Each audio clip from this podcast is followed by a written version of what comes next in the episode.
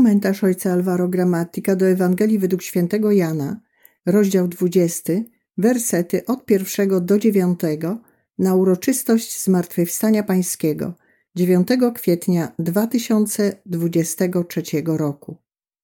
Pierwszego dnia po szabacie, wczesnym rankiem, gdy jeszcze było ciemno, Maria Magdalena udała się do grobu i zobaczyła kamień odsunięty od grobu. Pobiegła więc i przybyła do Szymona Piotra oraz do drugiego ucznia, którego Jezus kochał. I rzekła do nich: Zabrano pana z grobu i nie wiemy, gdzie go położono. Wyszedł więc Piotr i ów drugi uczeń i szli do grobu. Biegli obydwaj razem, lecz ów drugi uczeń wyprzedził Piotra i przybył pierwszy do grobu. A kiedy się nachylił, zobaczył leżące płótna, jednakże nie wszedł do środka. Nadszedł potem także Szymon Piotr, idący za nim.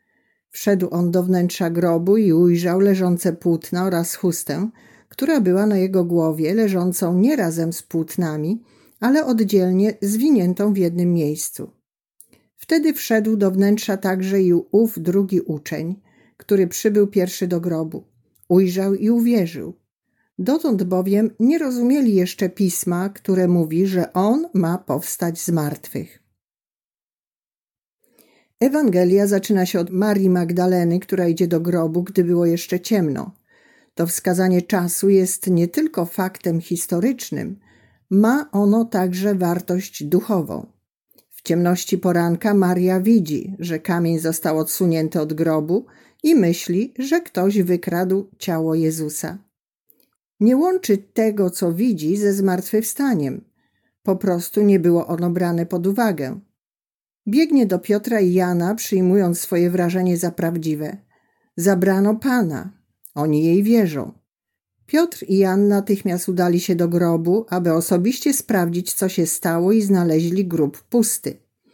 Tekst kończy się stwierdzeniem, że jeszcze nie zrozumieli pisma, że Jezus miał powstać z martwych. Jak trudno jest uwierzyć w słowo, jak trudno jest interpretować rzeczywistość zgodnie z tym, co ono mówi. Jesteśmy bardziej skłonni wierzyć w to, co widzimy, w nasze pierwsze wrażenia, niż w to, co mówi Słowo Boże.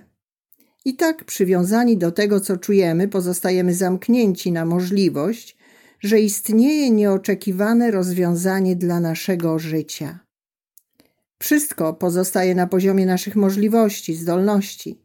Brak zrozumienia Pisma Świętego prowadzi nas do wiary tylko w to, co potrafimy uczynić, i nieuchronnie prowadzi nas do rozpaczy i pesymizmu.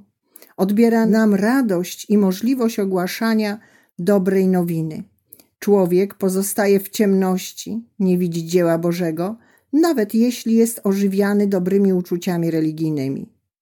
Oto wezwanie do spojrzenia na rzeczywistość oczami obietnic, do interpretowania wydarzeń życia w świetle Ewangelii. Chodzi o wiarę w to, co mówi Bóg.